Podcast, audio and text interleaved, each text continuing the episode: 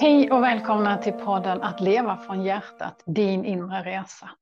För det är så det är, du har all kunskap inom dig och du kan nå den genom ditt hjärta.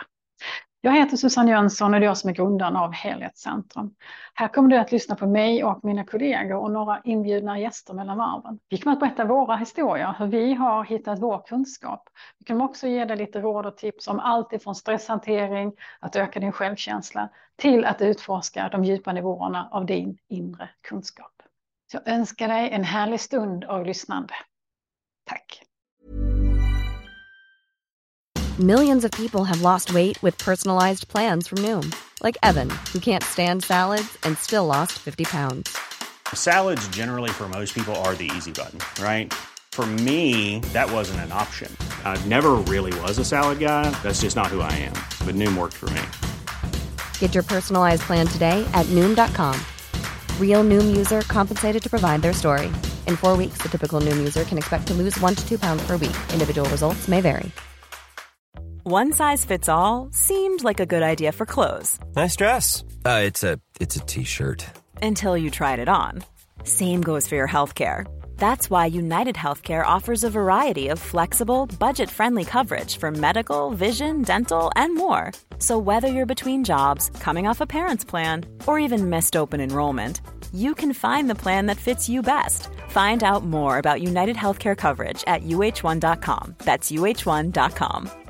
Hey, I'm Ryan Reynolds. At Mint Mobile, we like to do the opposite of what Big Wireless does. They charge you a lot we charge you a little. So naturally, when they announced they'd be raising their prices due to inflation, we decided to deflate our prices due to not hating you. That's right. We're cutting the price of Mint Unlimited from $30 a month to just $15 a month. Give it a try at mintmobile.com slash switch. $45 upfront for three months plus taxes and fees. Promo for new customers for limited time. Unlimited more than 40 gigabytes per month. Slows. Full terms at mintmobile.com.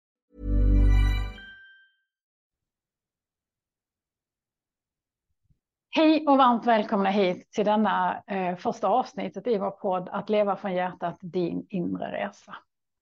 I det här avsnittet så kommer jag att berätta om min inre resa och varför jag tycker det är så viktigt att leva från hjärtat. Jag kommer också berätta hur det går till att göra det på ett himla enkelt sätt. Du kommer få tips på hur du kan utforska kunskapen inuti ditt hjärta. För när du gör det, då kommer du också djupare och vidare in i din personliga och andliga utveckling. Jag heter Susanne Jönsson och det är jag som är grundaren av Helhetscentrum. Helhetscentrum Soul and Heart Journey School. Det här är alltså en internationell skola för personlig och andlig utveckling. Vår grund är här i Sverige, vår bas har varit här alltid.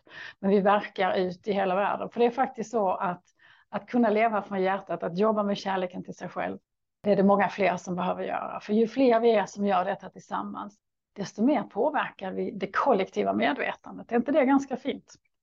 Så när du lever från ditt hjärta och när du jobbar med kärleken till dig själv, på samma gång så hjälper du till att inspirera alla andra i din närhet att göra samma sak. Så vet om det att det du gör för dig själv, det gör du med automatik för alla andra när du jobbar ifrån ditt hjärta.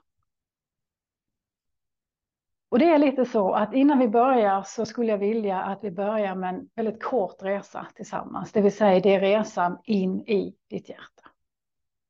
Den resan, det är det vi kallar för hjärtförankringen och den ingår i vår hjärtmeditation. Hjärtmeditationen kan du göra på antingen 20 minuter. Du kan också göra en väldigt kort variant på 3-4 minuter. Och det är den korta varianten som jag tänkte att vi ska ta nu här. När du kommer in i ditt hjärta på riktigt så har du tillgång till du vet den här känslonivån som du har inom dig. När du lyssnar ifrån ditt hjärta så vet du om det du lyssnar på, om det, om det tonar an till dig eller om det skorrar. Och därför tycker jag alltid det är bra att lyssna från hjärtat. För när du lyssnar från ditt hjärta och du känner att det är sant, då blir det mycket lättare för dig att bli inspirerad, att kanske göra hjärtförankringen fler gånger. Att kanske jobba lite till med kärleken till dig själv.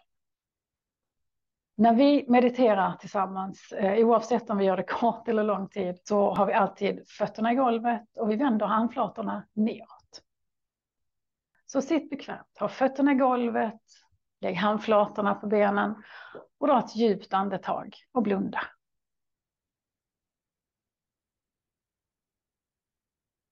Tänk dig att du är på en vacker plats i naturen, på den här vackra platsen som du älskar att vara på. Den här platsen kan finnas på riktigt eller så finns den bara i din fantasi. Det spelar ingen roll. Men välj en plats som du med naturlighet dras till och sen går du alltid till den platsen. Byt inte plats. Det går så mycket lättare för dig när du alltid utgår från samma ställe. Så du är på din plats i naturen, på den här vackra platsen som du älskar att vara på. Ovanför ditt huvud så ser du stjärnhimlen. Den här sammetsmjuka, oändligt vackra stjärnhimlen. Och du känner hur ditt hjärta öppnar sig och din kärlek strömmar ut. Det här är din kärlek till modern och till fadern som har skapat allt detta till dig. Självklart vill du dela med dig av din kärlek till dem. Så du bildar två gyllene sfärer, två gyllene kulor av din kärlek till modern och till fadern. De här kulorna ska vara ungefär lika stora som en pingisboll. Så bilda dina två gyllene kulor av kärlek. Så andas du in dem i ditt hjärtchakra. Du andas ner en till modern och upp en till fadern. Du ska gå förbi stjärnhimlen och lämna den djupt in i solen. Till fadern. Och till modern så lämnar du den djupt ner i jorden. Du lämnar dem där och säger varsågod. Så väntar du på svar. Ganska snart så känner du moderns svar till dig. Hon skickar sin kärlek till dig. Och du känner det som en vibration ifrån dina fötter och uppåt. Och sen känner du faderns svar till dig när han skickar sin kärlek till dig. Och det känner du som en vibration ifrån din hjässa och neråt. Då har du förankrat ditt hjärta i jorden och i solen. Och du har tillgång till din prana-energi. Prana-energi är livsenergi. Livsenergi som gör att när du andas prana så blir du stark och kraftfull inombords. Så dra ett djupt andetag och andas in prana. Och andas den ut prana i din fysiska kropp. Andas in prana. Och andas ut prana i din fysiska kropp. Och andas in prana. Och andas ut prana i din fysiska kropp. Sen ska du tänka tonen ner till ditt stjärnrum. Ditt stjärnrum är ett rum som finns inuti ditt hjärta. Den tonen det består av ljudet av orm i den högre tonarten. Jag kommer att ljuda det högt till dig så att du kan skapa det själv inuti ditt sinne.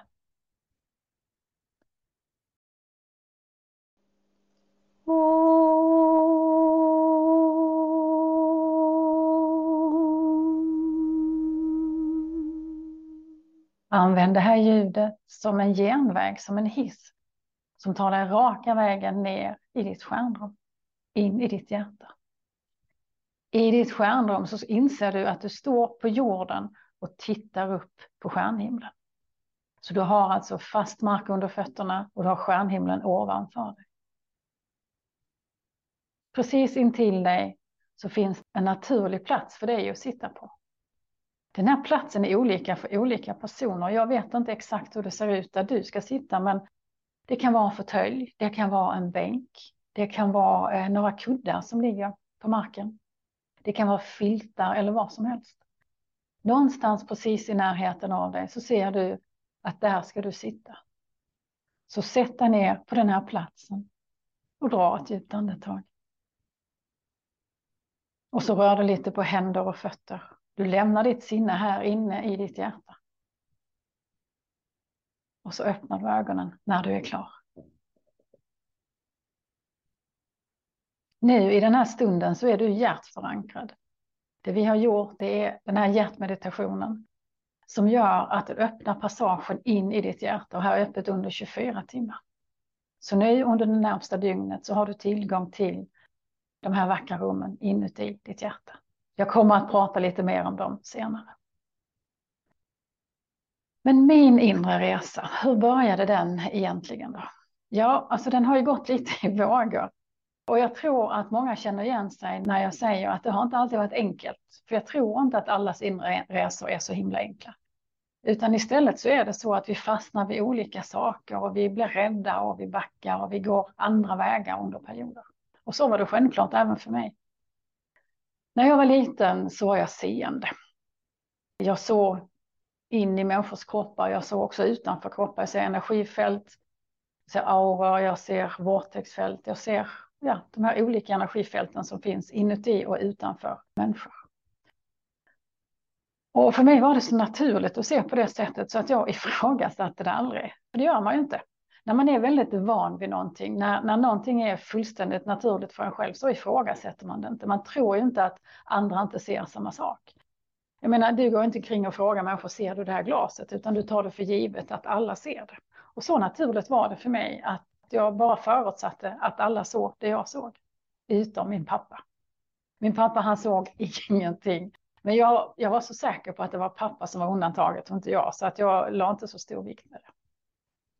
Men det var först när jag var 12 år gammal som jag förstod. Så att jag behöll ju det här seendet ganska länge. Du vet säkert att de allra, allra flesta barn föds med de här sinnena öppna. De föds och, är, och många barn är väldigt seende de första veckorna. Men det brukar faktiskt trappas ner redan inom eh, tio dagar. Men för mig så stannade det kvar länge och jag var alltså tio, jag var 12 år innan jag förstod att mina kompisar såg inte samma sak som jag gjorde. Och det här var ju den klassiska grejen när vi stod en klunga tjejer och fnissade sådär som, som man gör.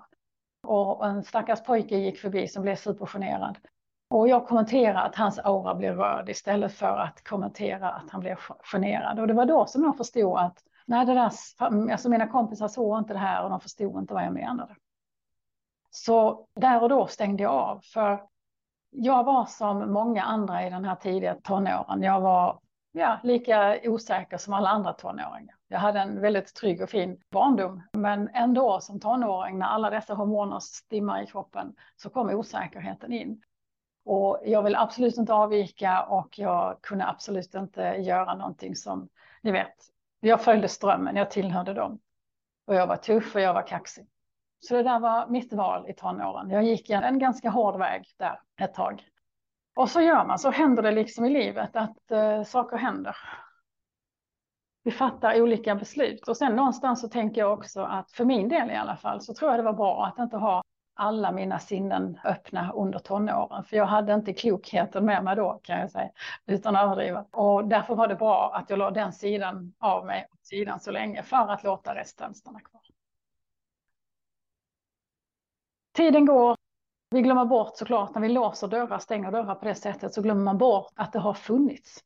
Även om jag ganska tidigt i 20-årsåldern när pannloben hade växt färdigt och jag började bli mig själv igen så kände jag att jag saknar någonting. Och jag har alltid trott på att det finns någonting med en, någonting som leder en framåt. Och för mig så har jag alltid, så länge jag kan minnas, vetat att jag kan skapa allt jag vill och allt jag önskar.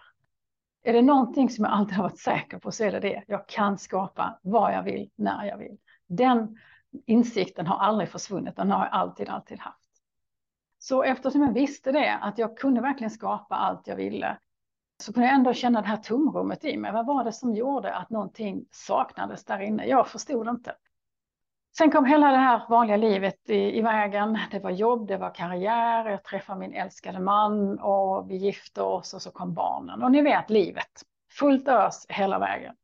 Men ganska snabbt så var det någonting som drog i handbromsen. 1991, så det här är länge sedan. Men då dog min mamma väldigt, väldigt hastigt. Det var ett kärl i hjärnan som brast och på bara två minuter så var hon borta. Från att vara den mest pigga och energiska kvinna, starka kvinna som jag hade i min närhet så var hon borta och det var självklart fullständigt obegripligt. Det vände upp och ner på livet för oss allihopa och ganska snart så började de här konstiga dörrarna knirra upp inom mig. De där dörrarna som jag inte längre kom ihåg att jag hade. Men de börjar knirra upp och jag börjar se saker, jag börjar förnimma saker. Och där ett tag så var det lite jobbigt innan jag fattade vad det var för någonting. Men så småningom så hamnade jag på min första healingkurs. Det här var eh, 95 eller 96. Jag hade anmält mig till vad jag trodde var en meditationskurs. Och det var först två dagar innan den här kursen skulle börja som jag fattade att det var en healingkurs. Och ni ska veta, för mig, alltså healing på den tiden, det var den här bilden som man hade från tv. Amerikanska tältmöten, präster som gick omkring och tryckte människor i pannan och sa ding du är healad och folk trillade till höger och vänster. Alltså det var min bild av healing. Jag tyckte det här var sjukt pinsamt att jag skulle värd på någonting sånt. Men jag var artig och ville inte, ni vet, avboka sista minuten, så jag åkte dit. Och jag sa till min man innan jag åkte att blir det, blir det pinsamt så kommer jag hem igen. Och han sa ju såklart akta dig så det inte är någon sekt. För det är så man tror, när det är någonting okänt så vet man inte vad det är. Men för mig så visade det sig att för mig så var det som att hitta hem. Jag blev hel inom mig på ett sätt som jag trodde att jag var tidigare, men som jag bevisligen inte var. Min själ, hela jag, alla delar av mig gick i regnbågens alla färger hela den helgen. Och givetvis så trodde jag att alla reagerar så när man hamnar på en healingkurs. Idag vet jag att det inte är så. Men för mig så var det magiskt, det var fullständigt magiskt.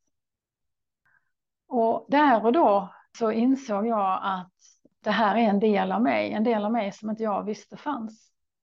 Men jag vågar inte göra någonting med det. Självklart så behandlar jag nära och kära i familjen. Men eh, ni ska veta att det här var på 90-talet. Det var väldigt, väldigt suspekt att prata om meditation. Komma och prata om healing, det, det fanns liksom inte på kartan. Och själv satt jag med ett tufft arbete. Jag var chef på ett stort företag. Jag hade 300 anställda. Jag hade galet mycket att göra. Killarna var små. Ni vet, alltså det var fullt ös. Och att ens tänka tanken att jag skulle göra någonting annat där och då, det fanns det inte utrymme till. Men ändå så kom människor till mig hela tiden. Det var grannar, sen var det grannars grannar och de sa att ja men snälla jag har ont i axeln, kan du inte hjälpa mig? Eller jag mår dåligt, kan du inte hjälpa mig? Och jag sa alltid likadant. Jag gör ju inte sånt, vet du ju. Nej, jag vet att du inte gör det, men kan du inte bara hjälpa mig? Och så sa jag, men okej, men du får lova inte säga det till någon annan. Absolut, jag ska inte säga någonting. Och så, så var det, alltså hela tiden. Och ändå så kom folk, hela, hela tiden. Vilket jag förstår, alltså vilket är fantastiskt. Men det var också ganska stressande, för jag, var, jag tyckte hela grejen var jättekonstig. Du ska veta att jag är förmodligen en av de mest skeptiska människor som du någon gång har träffat. Jag är superskeptisk. Och jag vill aldrig tro på överhuvudtaget någonting. Jag vill veta. Och där står jag med en energi i mina händer som jag inte kan förklara. Det var, alltså det var inte enkelt för mig. Det var många diskussioner inombords kan jag säga. Sen så småningom, något år senare, så läste jag en bok om kanalisering, det vill säga hur man pratar med guider och vägledare. Och jag tyckte det var superintressant. Det här är typ 96-97. Och längst bak i boken så var det en sån här jättelång förklaring på hur man skulle göra för att själv kunna kontakta sina guider och vägledare. Och jag tänkte, ja, jag måste prova, såklart. Och det var alltså, vi pratar lång förberedelse. Det var minst 20 minuter med hur många detaljer som helst. Man skulle sitta i vissa väderstreck, man skulle tända ljus, man skulle göra det ena med det tredje. Och, och jag som inte ens har någon som helst ordning på höger och vänster, jag skulle försöka hitta väderstrecken. Men allt det där gick jag ändå traggla mig igenom bit för bit. Och till sist så satt jag där 20 minuter senare och så tittade lite omkring mig och tänkte, är han någon? Och så ser jag då hela mitt gäng står där. Det här maffiga, fantastiska gänget som jag har runt omkring. Det är en grupp som kallar sig Nelima. Och sedan den dagen har jag varit medveten om att de har funnits där.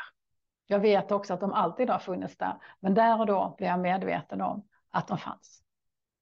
Det första de sa till mig det var, ja men så bra, har du krånglat färdigt nu så ska vi lära dig en enklare teknik. Så det var bland det första de gjorde de lärde mig ett mycket lättare sätt hur jag kunde kanalisera. Sen sa de också att det här ska du skriva upp, det vi har säg ska du skriva upp. Så jag fick ju gå och hämta papper och penna.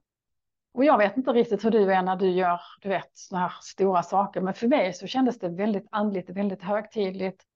Och då kändes det rätt att blunda.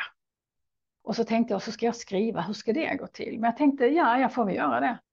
Så jag, jag satt där och blundade och skrev. Det här är ett pratglatt gäng, ska ni veta. Så jag skrev en tre, fyra, kanske fem A4-sidor. Och alla som känner mig vet att jag har en totalt gräslig handstil, ärligt talat. Det är knappt jag själv kan läsa det när jag går till affären med, med en inköpslista. Och där satt jag och skrev och blundade en, en fem, sex sidor. Jag kan säga att det hjälpte inte till alls överhuvudtaget. Tyvärr så går det inte att läsa den texten som jag skrev. Jag har den kvar för den är ganska rolig. Men det enda jag kommer ihåg som de sa till mig där och då, det var att min livsuppgift är att vara healer och lärare i människors personliga och andliga utveckling. Och det räckte för att jag skulle dra ner rullgardinen, för jag kände att det här pallar inte jag. Jag vill inte, jag kan inte, det är fullständigt omöjligt.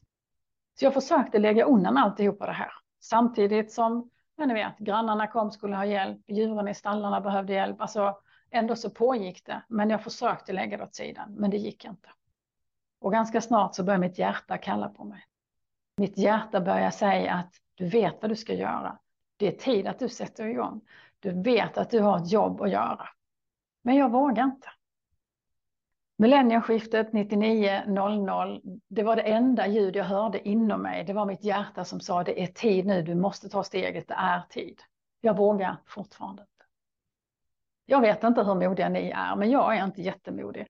Och för mig så kändes det enkelt att vara regionchef, alltså av många praktiska skäl. Det var enkelt att presentera sig för folk. Jag fattade inte hur det skulle gå till att jag skulle säga och så är jag healer. Alltså, det gick inte i mitt huvud. Det blev jättekonstigt.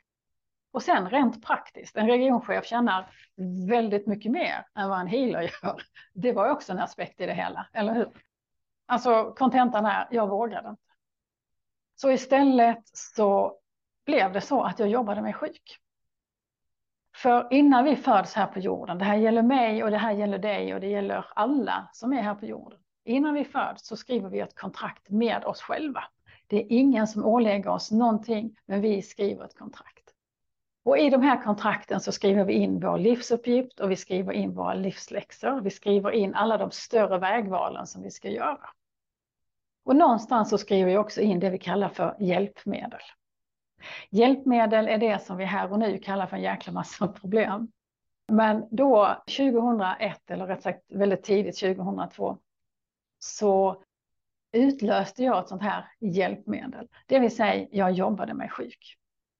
För ur ett större perspektiv så var det viktigt att jag faktiskt slutade jobba med fel saker och började inrikta mig på det jag skulle istället. Men eftersom jag inte vågade så utlöste jag en sån här hjälpmedel som i detta fallet var att jobba sig sjuk och bli så sjuk så jag bara kände att jag fixar inte, jag kan aldrig gå tillbaka till jobbet igen. Jag blev utbränd. Du som har varit utbränd, du vet ungefär hur det känns, den här hjälplösheten som, som känns. Och också för mig då som har normalt sett en ganska skarp vänsterhjärnhalva, den var helt, den hade lagt av. Så småningom så vågade jag säga upp mig. Jag sa upp mig och tog det här otroligt läskiga steget till att faktiskt vara healer och lärare i människors personliga andliga utveckling. Att ställa mig och säga detta till människor, att det var det jag valde att jobba med. Men jag kan ju säga att sedan den dagen, jag har inte ångrat mig en enda sekund. Inte en enda sekund. Jag har det vackraste och finaste jobbet som man någon gång kan tänka sig. Och jobbet har utvecklats i den takt som jag har klarat av att hantera det. Jag har fortfarande motstånd. Jag blir fortfarande rädd ibland när det krävs av mig att ta stora steg och, och bli mer och mer offentlig. Den här offentliga grejen är inte riktigt min del. Jag är ganska så introvert egentligen, men jag gör det för att det är viktigt. Jag gör det för att det är den tiden vi lever i nu, när fler behöver få mer kunskap helt enkelt. När fler behöver få en möjlighet att utvecklas och att förstå mer. Så när jag börjar jobba med det här på heltid så börjar jag successivt bli mer och mer mig själv. Jag börjar minnas mer och mer saker. Men jag hade en fantastisk upplevelse 2005. En upplevelse som jag har skrivit om i två av mina böcker som jag har gett ut, bland annat nu senast i Lemurienboken. Och jag vill ge dig samma upplevelse som jag fick då. För den upplevelsen gjorde att alla mina minnen vaknade. Och jag vet idag att det är ganska unikt. Kanske är det så att inte alla dina minnen kommer att vakna, men jag vet att det kommer vara så att en del av dina minnen kommer att vibrera. En del av dina minnen kommer du att kunna känna. Det här var 2005. Det var en ny klient som skulle komma, en kvinna som jag aldrig hade träffat tidigare. Men en kvinna som när hon kom in på mottagningen bara gjorde mig otroligt glad. Har du någon gång träffat en helt vilt främmande person och du i ditt hjärta bara har blivit så himla glad? Har du upplevt det någon gång? För i så fall vet du precis vad jag menar. Och det är ju så att Alltså när vi har sådana här minnen så är det ju våra cellminnen egentligen som reagerar. Det är andra delar av oss som reagerar, andra delar av oss som gör att vi minns. Och så var det med henne. När hon satt där i väntrummet så blev jag fullständigt lycklig. Jag blev så att det, alltså det hade en energi i hela min kropp som bara vibrerade. Jag förstod ganska snabbt att hon kände inte alls samma sak. Hon var ganska nollställd. Och hon var dessutom inte, du vet, alltså hon var inte ens andligt intresserad. Så jag försökte inte ens förmedla det jag upplevde till henne, för hon var verkligen inte intresserad.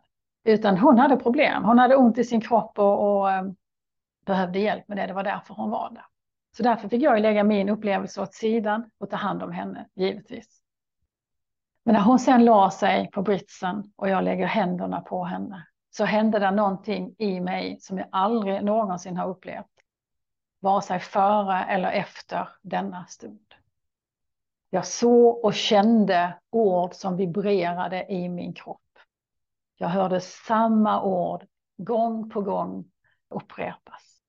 Jag såg hur kvinnor i en ceremoni upprepade starka och kraftfulla ord till varandra och det här upprepades inom mig på ett sätt så att det gick inte att höra eller att göra någonting annat. Jag bara stod i den upplevelsen. Och den upplevelsen vill jag dela med dig. De orden jag hörde gång på gång, det var syster väcker syster. I tidens begynnelse, innan tiden fanns, då slöt vi ett avtal. Vi lovade varandra, vi svor en ed. När tiden är mogen när vi lever i den elfte timmen av alltings varande, då ska syster väcka syster. Vi ska hjälpa varandra att vakna och att minnas. Så vakna syster. Det är tid nu. Känn i ditt innersta, känn i dina ben. Låt dina celler minnas och vakna. Vet om att det är tid nu. Det är hög tid att vakna. Vi har lovat varandra att hjälpas åt, att tillsammans väcka kärlekens kraft och kunskap. Den kunskap du har inom dig, den kunskap du en gång har valt.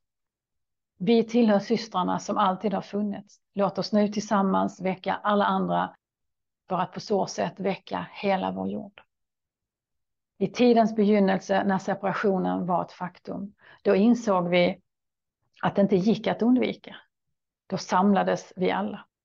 Vi valde att låta separationen ske. Vi valde att tappa våra minnen för att kunna leva vidare och för att kunna hjälpa till att börja om när tiden var mogen. Vi lovade att väcka varandra genom att väcka och påminna våra celler om vilka vi egentligen är. Att påminna om vår kraft och om vår kunskap. Vi kan nu minnas vår urgamla kunskap. Vi kan använda vår kraft och vi kan göra det tillsammans med all den kunskap och de förmågor som vi har lärt oss idag. Vi skapar någonting nytt. En helt ny kunskap och en helt ny kraft och en helt ny tid genom att lägga samman all vår kunskap. Så låt oss tillsammans gå ut och lära andra. Vi lever i den elfte timmen på denna planeten, så låt oss hjälpa till att föra oss alla in i balans och framtid. Så vakna syster och vakna broder. Det är tid att vakna. Känn i ditt innersta, känn i dina ben. Låt dina celler minnas och vakna. Vet om att det är hög tid nu. Det är tid att vakna. Och det som hände inom mig, det var verkligen att mina minnen vaknade.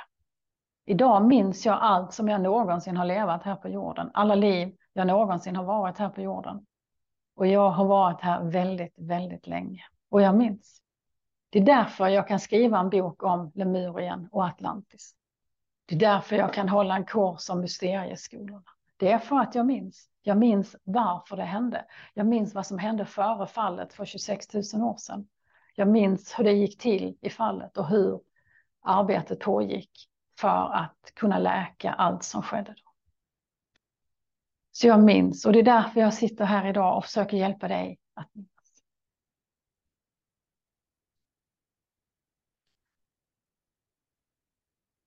Efter den händelsen, när mina minnen startade, så började i min närhet, redan då hade jag börjat utbilda såklart healers på många olika sätt. Men där och då så började de gamla komma tillbaka. Du vet, de som jag har jobbat med för, för länge sedan. De jag jobbade med i Atlantis 3 till exempel, de började samlas runt omkring mig. 2007 så höll jag min första utbildning för helhetsterapeuter. Sedan dess så har jag utbildat, nu i veckan så eh, certifierade jag faktiskt den 95 helhetsterapeuten. Jag tror det är 23 kurser, kullar med helhetsterapeuter som jag har utbildat sedan dess. Jag har utbildat lärare som utbildar i mina tekniker. Idag är vår skola stor. Och vi har många aktiva lärare, jag tror vi är 16 eller 17 aktiva som utbildar överallt i de här teknikerna. Och vi har helhetsterapeuter som jobbar det bästa de kan så mycket, så mycket de orkar. Vi håller på att hitta tekniker. Självklart så är, det, är vi flest i södra Sverige eftersom jag alltid har bott här. Men just nu så håller vi på att spridas längre upp i landet, vilket är fantastiskt. Vår skola är stor och stabil idag. Vi har terapeuter och lärare, inte så många, men några stycken som jobbar internationellt. Det är mest jag som gör det. Men vi har några stycken som också gör det. Men det är här i Sverige som vi verkar. Mitt jobb är fortfarande att utbilda terapeuter. Mitt jobb är att utveckla våra behandlingstekniker. Mitt jobb är också att göra nya kurser, finna ny kunskap och dela med mig av den. Och mitt jobb är också att sitta här och dela med mig av min kunskap till dig. För att det är så fantastiskt. För ju fler vi är som gör detta tillsammans, desto fortare går det. Vi har samma mål idag som vi hade för 26 000 år sedan eller för 25 000 år sedan när, när Lemurien startade ursprungligen. Vårt mål är att höja det kollektiva medvetandet. Och det gör vi tillsammans på det här sättet. Och när du sitter här och lyssnar, när du går ner i ditt hjärta och när du jobbar med kärleken till dig själv, som med automatik, så höjer du ditt medvetande. När du höjer ditt medvetande så gör du alltid det till alla i din närhet också. Och det är tillsammans som vi gör skillnad. Visst är det vackert? Det är otroligt vackert. Och det behöver inte vara svårare än så. Ta hand om dig själv, lyssna på dig själv och behandla dig själv med kärlek och respekt. Då ökar ditt medvetande. Have catch yourself eating the same flavorless dinner three days in a row? Dreaming of something better? Well, hello fresh is your guilt free dream come true baby. It's me, Gigi Palmer. Let's wake up those taste buds with hot, juicy pecan crusted chicken or garlic butter shrimp scampi. Mm. Hello Fresh. Stop dreaming of all the delicious possibilities and dig in at HelloFresh.com. Let's get this dinner party started. Hiring for your small business? If you're not looking for professionals on LinkedIn, you're looking in the wrong place. That's like looking for your car keys in a fish tank. LinkedIn helps you hire professionals you can't find anywhere else, even those who aren't actively searching for a new job but might be open to the perfect role. In a given month, over 70% of LinkedIn users don't even visit other leading job sites. So start looking in the right place. With LinkedIn, you can hire professionals like a professional. Post your free job on linkedin.com slash spoken today. Men självklart ska vi prata mer om det här och att leva från hjärtat. För vad innebär det att leva ifrån hjärtat? Och varför ska man göra det? Är det någon skillnad mellan hjärta eller ego? Märker man en skillnad? Kanske finns det till och med några fördelar. Om du till exempel tänker på när någon i din närhet behöver hjälp och du vet om att du kan inte det här, alltså det går inte, du måste säga nej. Hur känns det inom dig? Är det enkelt att säga nej? Och jag vill påstå att när du gör det från ditt ego, då får du dåligt samvete. Och du känner dig ofta lat eller taskig eller kanske otillräcklig, vilket är ganska vanligt tyvärr. När du gör det från ditt hjärta istället, då vet du att du måste säga nej när det behövs och du känner dig stolt och nöjd med ditt beslut. För det är klart att du blir stolt när du väljer någonting som är bra för dig, eller hur? När du jobbar med kärleken till dig själv då? När du gör det från ditt ego, med stor sannolikhet så känner du dig egocentrisk och kanske dum när du upprepar din affirmation. Det kanske känns som att du ljuger för dig själv och att du bara hittar på liksom. Och förmodligen blir det så att du låter bli, för du kanske inte ens tycker att du är värd att älskas. När du gör det från ditt hjärta, då känner du hur din självkänsla stärks. Och du känner att tilliten till dig själv ökar. Och du känner att du kan fatta bra beslut och att du kan lita på de besluten som du fattar, att de är bra för dig. Och du blir mer kärleksfull mot dig själv och mot alla andra. Tittar vi på stresshantering, om du gör det från ditt ego. Det här är klassiskt, man känner sig otillräcklig, eller hur? När, när du inte klarar stressen, alla som varit utbrända någon gång, men alla människor någonsin någon gång har varit stressade, men har du dessutom varit utbränd så vet du om att din stresströskel är inte alls lika hög som den var tidigare. Och det är helt normalt vill jag påstå. Det är helt normalt och kanske är det till och med lite bra att det är så. Men när du ska hantera din stress, när du ska jobba med din stress ifrån ditt ego, då känner du dig otillräcklig. Och du tror att alla andra kan och hinner mycket, mycket mer än vad du gör. När du gör det från ditt hjärta istället, då vet du att du måste lyssna på vad som är rätt för dig och att du alltid, alltid gör så gott du kan. Mer kan ingen begära, inte ens du själv. Och det här med att fatta beslut då, hur går det? När du gör det från ditt ego, det är ofta då som du tvekar, du känner dig osäker och kanske hellre frågar du alla andra vad de tycker att du ska göra istället för att lita på dig själv. För du tror att alla andra vet bättre än vad du gör. När du gör det från ditt hjärta, när du lyssnar på, då lyssnar du på din inre rådgivning. Och du vet att de svaren som du får i ditt hjärta kan du alltid lita på. De är alltid bra för dig, både på kort sikt men också för lång sikt. Så när du lyssnar på svaren i ditt hjärta så får du svar som är bra för dig ur alla perspektiv. Och du får tillit till dig själv. Du litar på att du vet vad som är bra för dig. Så att leva från hjärtat, hur går det till då? Alltså det finns faktiskt bara två sätt att göra det på. Det första sättet är med din intention. Då håller du dig med din vilja runt ditt hjärta. De allra flesta gör så. Och det är vackert och det är kärleksfullt. Det är så oerhört mycket bättre att göra så än inte alls. Men de allra, allra flesta lever från sitt hjärta via sin intention.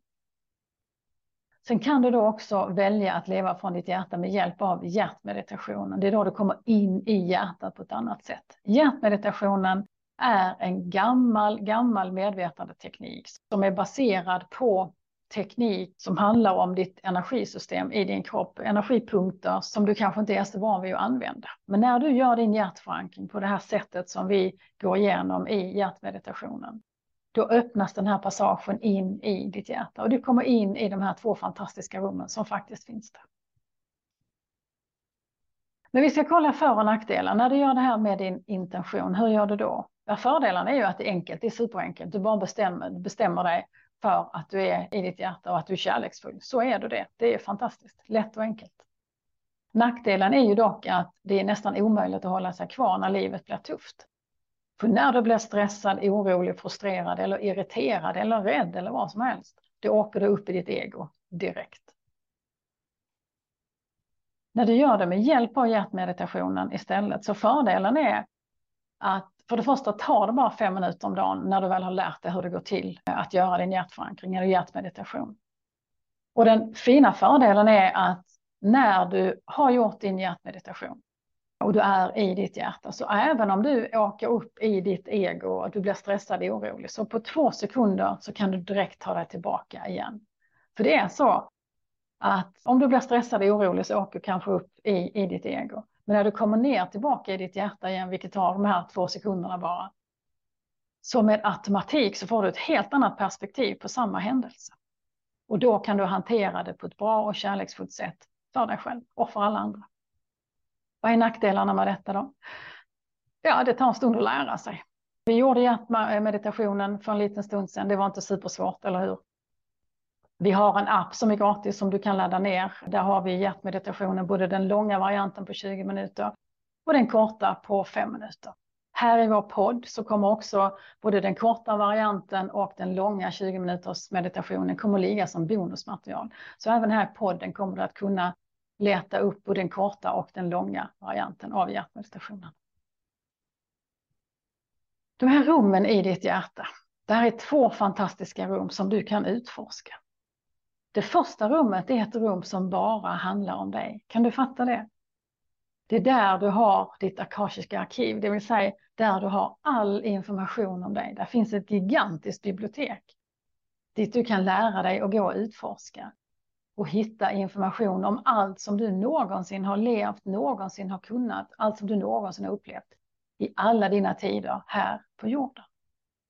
Det är ett fantastiskt ställe att utforska kunskap på. Men i det första rummet så kan du också få hjälp att hantera rädslor. Och du kan få hjälp att gå igenom läkningsprocesser och förlåtelseprocesser som du med stor sannolikhet inte hade kunnat hantera på ett annat sätt. Ibland kan du till och med hitta delar av dig själv som du har lämnat långt tidigare någon annanstans. I det första rummet så kan du utforska din inre kunskap. Du kan läka dig själv på oerhört djupa nivåer. Och du kan få tillbaka din inre kraft, din inre styrka och bli mer av den du verkligen är. Allt detta finns i det första rummet i ditt hjärta. Det andra rummet är det vi kallar för stjärnrummet. I detta fantastiska rum som när vi gör den korta varianten av hjärtmeditationen så tonar vi ner i ditt stjärnrum, eller hur? Här i ditt stjärnrum är du i kontakt med allt och alla. Och du ska alltid känna att du har fast mark under fötterna för du står på jorden och tittar upp på stjärnorna. Och när du har gjort det här några gånger så kommer du se, du kommer inse att det är samma stjärnor som du har i ditt stjärnrum. Det är samma stjärnor som du har utanför dig när du går ut på natten. I ditt stjärnrum så är du i kontakt med allt och alla. Och när du jobbar med din kärlek till dig själv eller i, i kärleksmeditationen ifrån ditt stjärnrum som är automatik så inspirerar du alla i din närhet att göra samma sak. Är inte det vackert? Det är ett väldigt enkelt sätt att sprida kärlek på. Det är alltid här i ditt stjärnrum som du lämnar ditt sinne. Det är alltså, du gör hjärtmeditationen, sätter dig ner på din plats här i ditt stjärnrum och sen bara bryter du övningen genom att röra på händer och fötter och öppna ögonen. Det är alltid i ditt stjärnrum som du lämnar ditt sinne. Och det är då som du är hjärtförankrad på riktigt. Nästa del är ju såklart din kärlek till dig själv. Och jag vill påstå att din kärlek till dig själv är den viktigaste och starkaste grunden som du har för din personliga och andliga utveckling. För ju starkare kärlek du har till dig själv, desto djupare kan du gå i din utveckling. Men varför är det då så viktigt? För det första så handlar det om själva livet, eller hur? Om vardagen, om hur du mår vilken tisdag som helst. Och när du har mycket kärlek till dig själv så kan du hantera situationer som tidigare har fått dig ur balans. Du kan hantera stress och sätta gränser utan problem, för du vet att du måste lyssna på dig och vad du mår bra av. Du ökar också din självkänsla och ditt självförtroende. Och det gör att du behandlar dig själv och alla andra med kärlek och respekt. Kan det finnas fler anledningar då? Fysiskt eller emotionellt? Ja, eh, fundera en liten stund på de här påståendena. Är det här någonting som jag kommer att säga? Det är någonting som gäller dig? Känner du dig otillräcklig? Är du rädd att göra fel? Litar du på dig själv? Prioriterar du dig själv?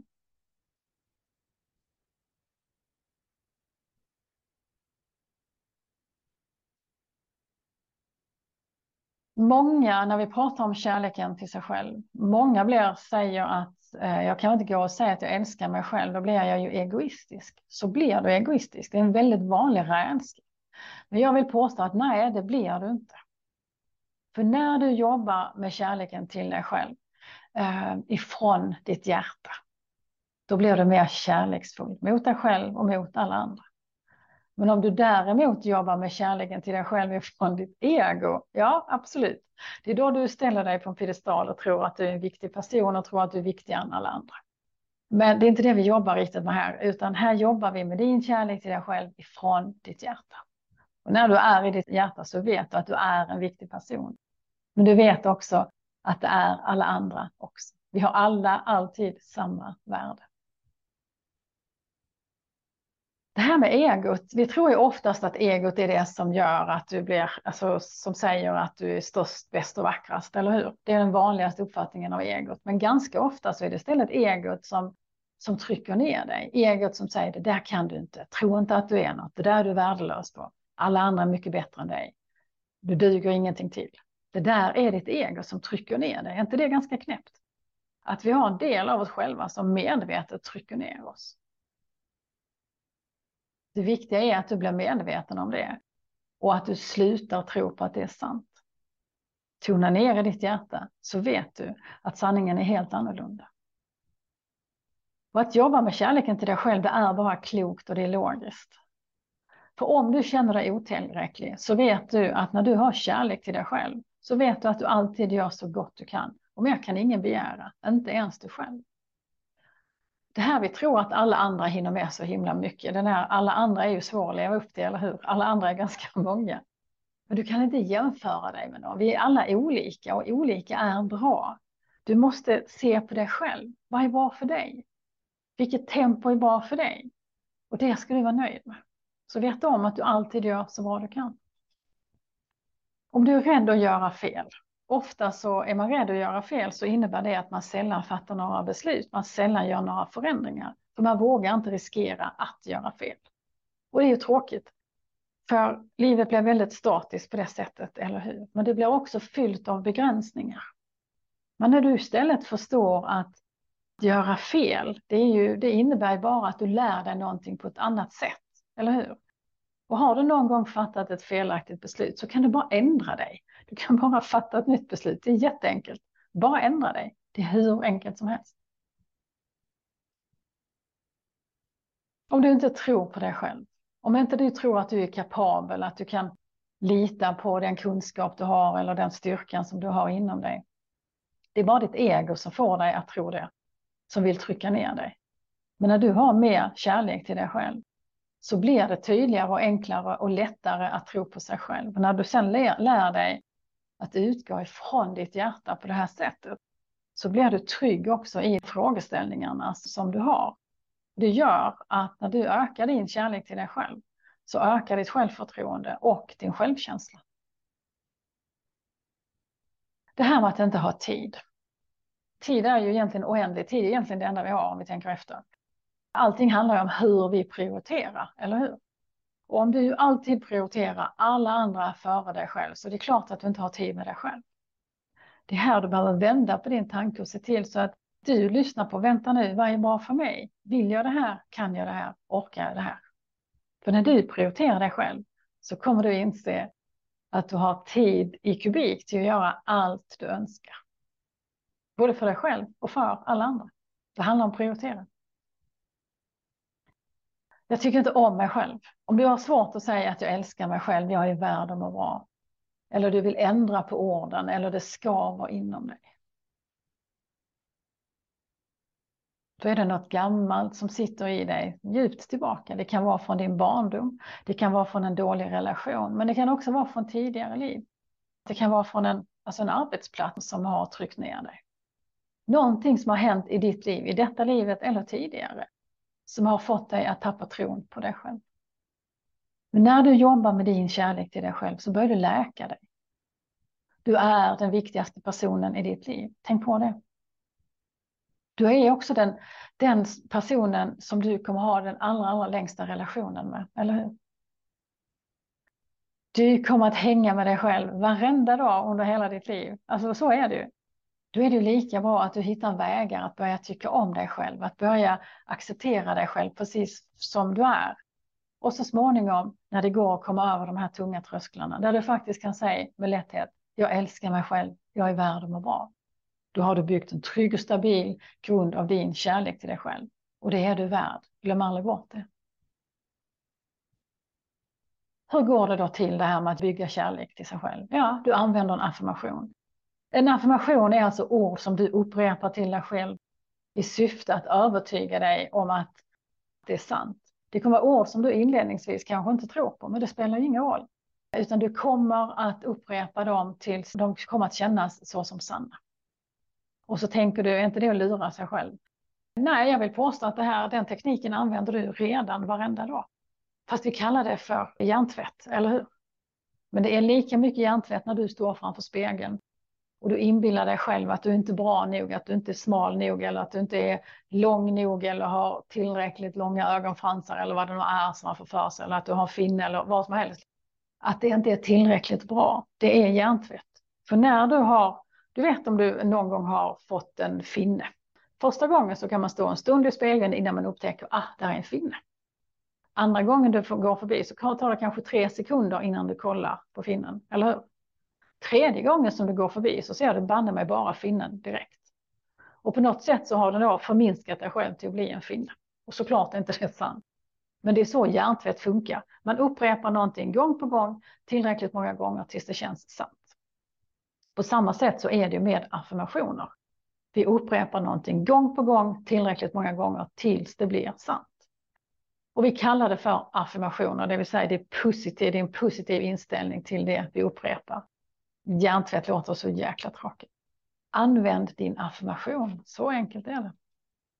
Och gör det ifrån ditt hjärta, ifrån ditt stjärnrum. För när du har den kombinationen, du är i ditt stjärnrum och du upprepar din affirmation, då bygger du kärlek till dig själv så oerhört mycket fortare. Och den affirmationen som jag rekommenderar alla att använda, det är jag älskar mig själv, jag är värd att må bra. Och varför rekommenderar jag det? Jo, för att jag gillar effektivitet. För att jag tror på att när vi ska göra någonting så ska det vara effektivt och det ska gå snabbt och du ska snart känna skillnad. Eller hur? Är inte det lite roligare? Dessutom att bygga kärlek till dig själv. Det är en viktig del i din personliga andliga utveckling.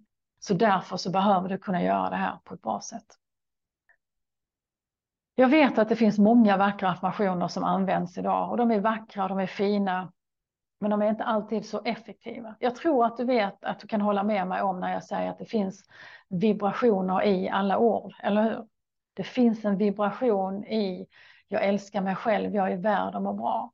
Och just den vibrationen, den kombinationen av vibrationer, den pratar till ditt hjärta. Den gör att den här kärleken som du vill skapa, den blir stark och stabil mycket, mycket fortare. För den tonar in i god vibration med ditt hjärta. Jag älskar mig själv, jag är värd att må bra. Använd exakt de orden. Byt inte ut några ord och lägg inte till några, utan exakt de här orden. Jag älskar mig själv, jag är värd att må bra. En affirmation ska upprepas tre gånger på morgonen och tre gånger på kvällen samt vid behov. Och vad är då vid behov? Ja, det är alla gånger som inte du tycker om dig själv. Det är alla gånger som inte du är överens med dig själv. Det är alla gånger som du pratar illa om dig själv eller trycker ner dig själv. Det är vid behov.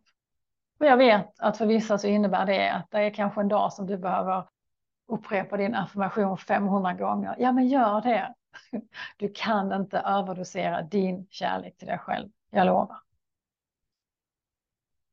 Jag älskar mig själv, jag är värd att må bra. Skriv upp de här orden, sätt dem på kylskåpet eller sätt dem på, du vet, sidan om tandborsten så att du ser dem varenda dag. Tre gånger på morgonen och tre gånger på kvällen samt vid behov. Det här, alltså hur det känns inom dig när du upprepar affirmationen. Blunda en liten stund, dra ett djupt andetag och blunda. Och så säger du tydligt och klart inom dig själv, fortfarande tyst, men tydligt och klart inom dig själv. Jag älskar mig själv, jag är värd att må bra. Hur känns det inom dig? Skaver det någonstans? Eller känns det lätt och sant? Finns det motstånd? Kan du öppna ögonen igen? För det är så att ju mer motstånd du känner inom dig, ju mer det skaver, ju mer konstigt det känns att säga de här orden, jag älskar mig själv, jag är värd att må bra. Ju svårare det är för dig att säga det, desto viktigare är det. Och jag vet att en del får tårar i ögonen och det stockar sig i halsen.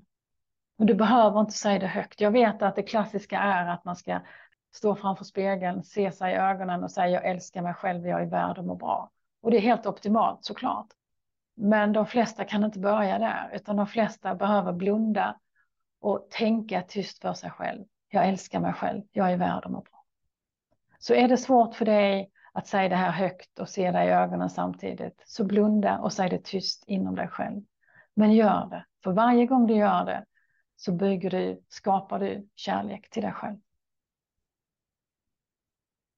Och då ska vi se om vi har några frågor och funderingar runt detta. Skriv gärna i chatten om det är någonting som du undrar över eller funderar över.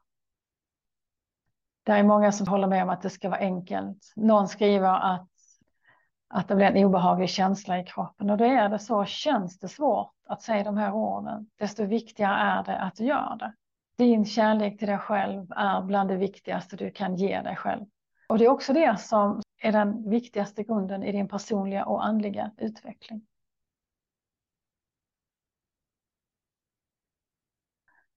Men det behöver vara enkelt och det behöver vara effektivt för att, för att det ska fungera.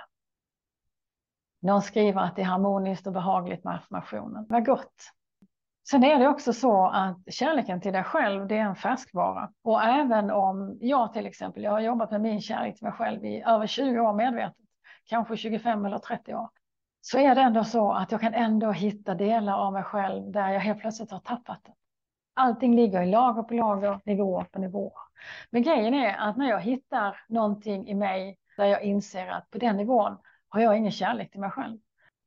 Så jag blir aldrig irriterad på mig själv, utan istället så blir jag nyfiken. Tänker varför är det så? Och så är det också så att på det läget så går jag in och jobbar mer med min affirmation, ökar kärleken till mig själv. Och så försöker jag ta reda på hur kan jag göra mer? Hur kan jag göra det bättre? Kan jag förlåta någonting? Finns det någonting i detta som jag behöver titta på och förlåta mig själv för? När det gäller förlåtelse, så för mig, så den förlåtelse som är viktigast är den gången när du förlåter dig själv. Det är fint och kärleksfullt att kunna förlåta alla andra, men den allra, allra viktigaste förlåtelsen, det är när du förlåter dig själv. Gör det från ditt hjärta så ska du se att det är mycket lättare. Det här är en inspelning av det första avsnittet av podden och jag spelar in det med publik och det är därför publiken kan inte skriva frågor i chatten. Du som lyssnar på podden kan tyvärr inte göra det, men det finns andra sätt. Har du frågor och funderingar så kan du alltid skicka ett mejl på något sätt. En del har säger att det har funnits motstånd tidigare men att nu går det lättare. Vad fint, det är väl gott att höra, känna den skillnaden, att det har förändrats. Jättefint. Hur kan jag nå den känslan att det är okej okay att älska sig själv och att acceptera det? Eh, ja, det bästa sättet är att göra din hjärtmeditation varje dag. Ta den korta varianten på 4-5 minuter. Alla hinner det. Precis alla hinner det. Och i de varianterna som jag har inspelade så gör vi hjärtförankringen och sen när vi har tonat ner i stjärnrummet så sitter vi där och jobbar med kärleken till oss själva en stund. Så gör den varenda dag. Det tar fem minuter, men det är du värd. Så prioritera dig själv fem minuter, för det är den som kommer göra skillnad. Jag garanterar det, jag lovar.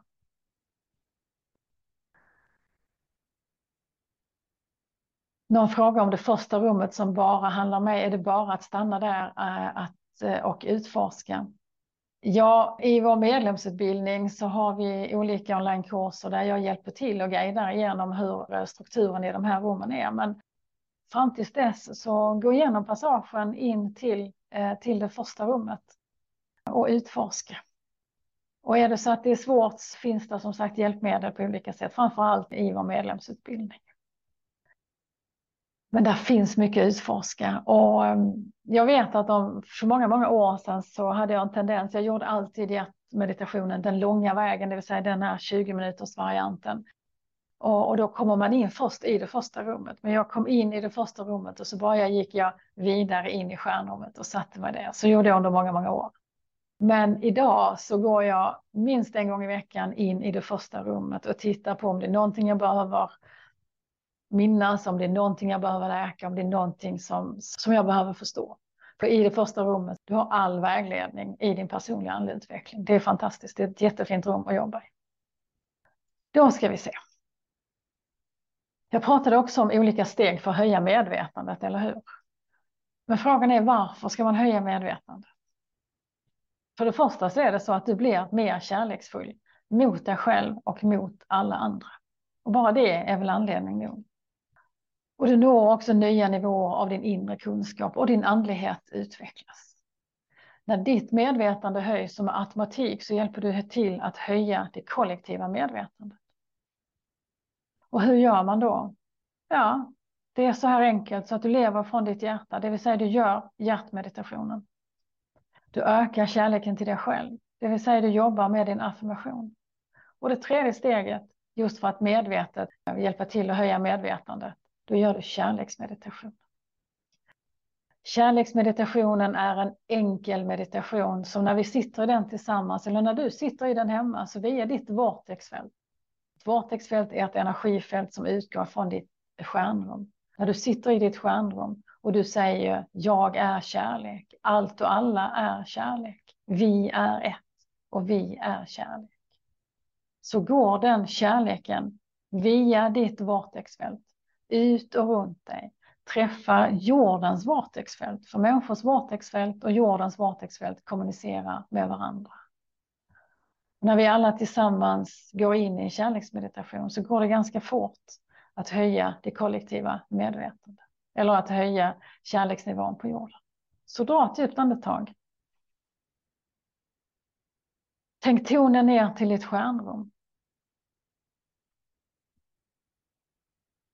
Så börjar du säga jag älskar mig själv, jag är värd att må bra. Jag älskar mig själv, jag är värd att må bra. Jag älskar mig själv, jag är värd att må bra.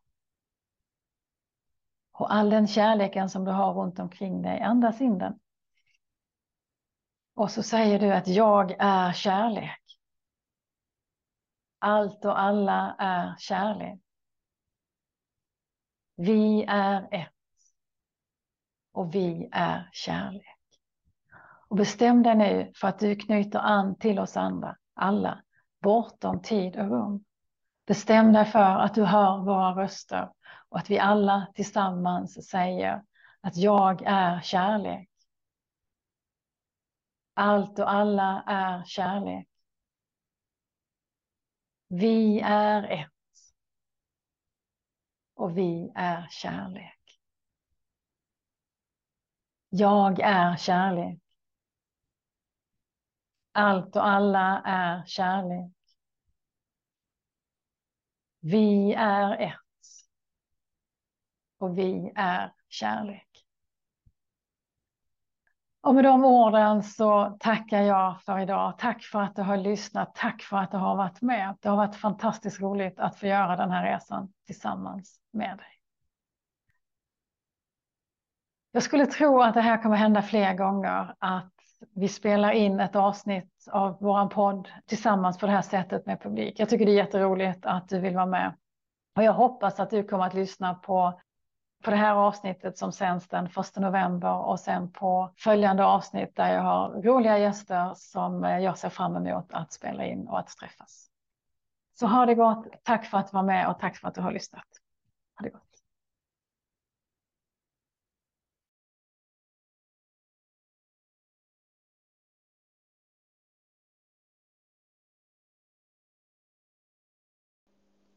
Oh.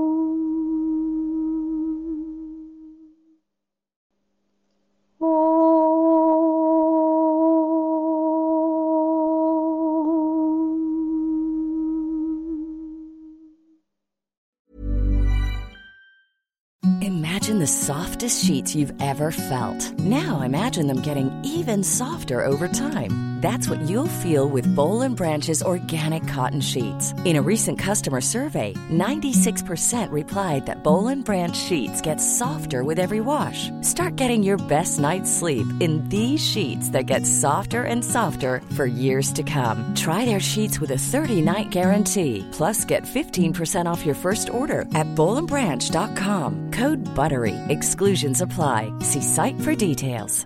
Hello, this is Danny Pellegrino, host of the Everything Iconic podcast, and I'm here to tell you all about Splash Refresher because hydration is mandatory, but boring is not. Now, I love my water, but if I don't spice it up, I'm not going to finish what I took out of the fridge. That's why I love my Splash Refresher, which is flavorful, delicious, bright, hydrating, and zero calories. The wild berry flavor is my fave. No, wait, is the pineapple mango flavor my fave? You know what? All five craveable Splash Refresher flavors are my fave because they're so delicious. So get hydrated and enjoy it with Splash Refresher. Imagine the softest sheets you've ever felt. Now imagine them getting even softer over time. That's what you'll feel with Bowl and Branch's organic cotton sheets. In a recent customer survey, 96% replied that Bowl and Branch sheets get softer with every wash. Start getting your best night's sleep in these sheets that get softer and softer for years to come. Try their sheets with a 30-night guarantee. Plus, get 15% off your first order at bowlandbranch.com. Code BUTTERY. Exclusions apply. See site for details.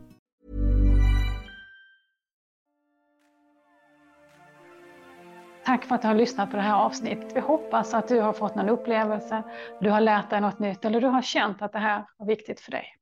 Vill du veta mer om oss så gå gärna in på helhetscentrum.se. Där hittar du information om alla oss som jobbar i skolan. Du hittar information om våra kurser, både på fysiska kurser och onlinekurser, vilka böcker vi har skrivit och så vidare. Där finns mycket för dig att utforska. Tack för att du har varit med.